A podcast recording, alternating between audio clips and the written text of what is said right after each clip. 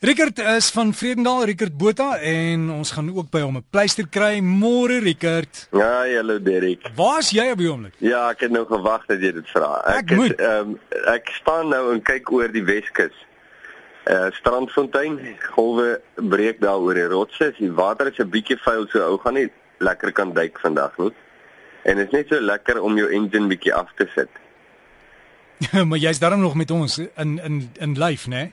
Ja, en in ja, siel en kyk, gees mens alles. vat mos 'n ruk om die engine te start, mos nou maar die afsit is so lekker en ek dink dit is belangrik, jy weet dat 'n ou so 'n tyd het in 'n jaar. So ons is baie bevoordeel.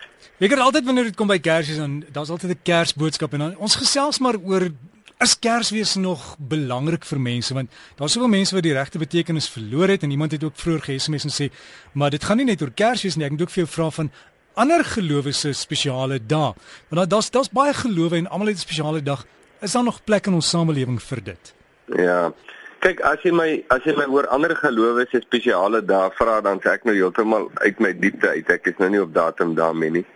As jy my vra oor Kersfees wat wat uh, verbind word met die Christelike geloof, dan sal ek jou en jy vra vir my is dit nog relevant? Nee, het dit nog 'n plek? Dan sal ek sê mm, jy weet soos tieners sê, hulle sê mos so.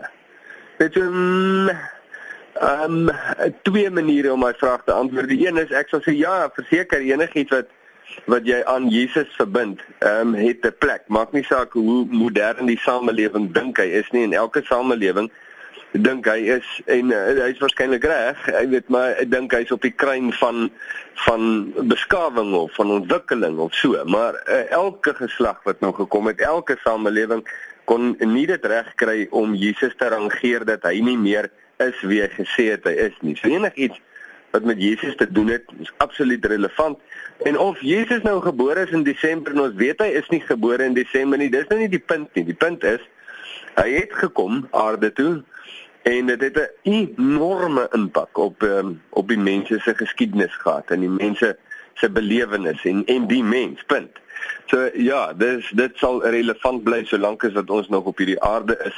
Uh ek dink die ander kant is mens miskien ook sê Derek, um die sentiment van tradisionele Kersfees sal vir baie mense vir baie lank nog daar wees. Jy weet waar dit nou nie gaan om Christus nie, so seer nie as om die sentiment van Kersfees en ek dink jy sal nou verstaan wat ek daar bedoel.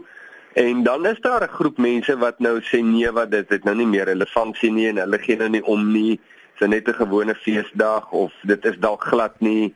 So hulle gaan nou maar net aan, maar en jy sal hulle altyd kry, maar ek dink vir 'n disipel van Jesus is daar altyd relevantie of hulle dit nou vier en of in April vier, maak nou nie saak wanneer nie.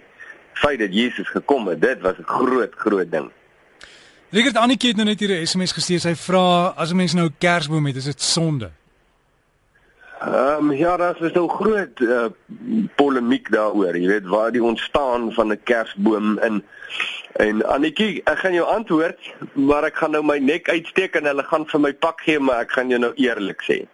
Uh ek gaan vir sê as jy my vra of ek eene het in my huis, dan sal ek vir sê nee, ek het nie eene nie.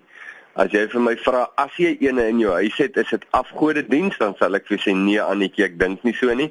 As jy groot geword het met een en uh, die die plek van die kersboom en die geskenke en die, is die saamwees en die sentiment en die familie is bymekaar en is so lekker en jy dan sê ek Annetjie maar nou uh, jy weet jy uh, hou jou kersboom maar as jy 'n gewetensbeswaar oor jou kersboom het oor die ontstaan of wat ook al dis nou vir jou ernstig moet hom dan nie hê nie jy weet uh, en ek dink dit is so eenvoudig soos dit Ja, Rickert, niemand dwing jou om 'n Kersboom in jou huis te sit nie. Ja, ja, en ek dink ook jy weet, ehm um, dit is nie dit is nou nie nodig heeltemal miskien om rond te gaan en dan nou te sê mense wat wel een het. Jy weet my ouma het nou eene miskien en nou vir haar te sê, jy weet sy is eintlik besig met afgode diens nie. Ek dink ek verstaan waar die gedagte vandaan kom, maar ek dink die benadering sal dan heeltemal verkeerd wees. Maar Rickert, vir 'n kind is dit 'n spesiale tyd. Ek weet ons sê jammer, dis 'n Christusfees, maar as jy vir 'n kleintjie sê, hoor jy, ons kan nie 'n Kersboom nie. Al sy maatjies het 'n Kersboom en daar's geskenkies en goed. Hoe verduidelik jy dit vir 'n kind? ja, goed, want jy slaan hom nou lekker been toe, jy weet. As 'n kind vir die kind is dit is dit dis daai tyd van die jaar, jy weet, dit is skeptyd. Dis skeptyd. Vir die besighede is dit skeptyd. Hulle maak besigheid laat hulle ore uitspuit. Uh soos die mense koop en natuurlik vir daai kind in die kleine, hy gaan 'n persent kry. So jy weet jy nou met 'n baie diep teologiese gesprek nou kom. Hy voel veer vir dit. Hy soek sy persent. Dis almal het persente en hy soek 'n persent. En dit is so amper so eenvoudig en so eerlik en opreg so dit. Maar nou sal ek jou sê, Derek, ek het nou al gesien waar ouers byvoorbeeld 'n um, uh, verdieping by hulle kinders wil bring, nê, nee, rondom hierdie hele Kersfees ding. Ehm um, en dat dit nou nie net gaan om wat te kan kry nie, maar jy weet vrede op aarde en die mense welbaar ere aan God soos die engele gesing het toe Jesus kom. Maar dat dit gaan oor Jesus en God wat so liefgehad het dat hy gegee het waar hulle nou met die kinders sit, nou hulle is nou al klein. Ek het vreeslik agting en respek vir daai ouers. En dan bespreek hulle met hulle die die saak. En ek onthou een jaar het ek en jy gesê 'n vriend van my Vredendal, hy het vir sy kinders gesê hierdie jaar gaan hulle nie persente koop nie maar hulle gaan die geld wat hulle spandeer het gewoonlik aan persente. Maar dit was 'n dit was 'n familiekonsensus besluit jy sien. Maar natuurlik geïnisieer nou deur die pa wat dit nou sterk gedryf het maar uh dan gaan hulle die geld gebruik vir die persente dan gaan hulle goed koop vir die mense wat regtig onsaglik behoefte het en dan gaan hulle dit vir hulle uitdeel. En en daar was 'n bietjie weerstand in die begin jy weet want die kinders soos ons nou sê is kinders. Maar toe later te koop hulle in. Hulle koop toe in op die idee en toe doen hulle dit. En dit was 'n geweldige belewenis. So daar's allerlei maniere, jy weet hoe jy by jou kinders se harte verdieping kan bring, maar ek dink om nou wetties te gaan raak en verstop te raak op 'n idee gaan jy op die ou einde dalk meer skade doen as wat jy wou goed doen. Riker dan die wyse manne wat vir die Jesuskind uh, geskenkies gebring het. Uh, mense sê daar's drie wyse manne gewees en iemand het ook gesê ek vra dit was 'n aardse geskenke wat hulle vir vir die kind gebring het. Ja. Ja, kyk, hulle was nie drie nie. Ons weet dit nou ook, maar dis is sommer net vir pret maak. Nou nie saak of jy glo is drie nie.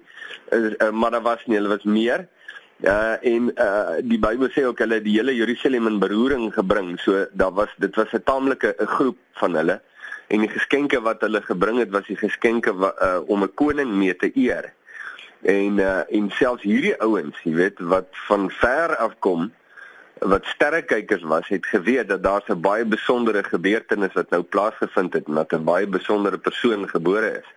En uh, en toe kom hulle met geskenke om hierdie persoon nou te eer. En selfs Herodes wat reg daar in die omgewing van Jesus se geboorte is, jy weet, as ek nou moet dink waar hierdie ouens vandaan kom, is clueless. Jy weet, hy het al die profete en hy het al die priesters en hy het al die goed by hom, maar omdat sy hart so hard is, het hy het net een, jy weet, ooghare vir net een ou en dis homself. Hy is die enigste koning vir wie hy wil ag.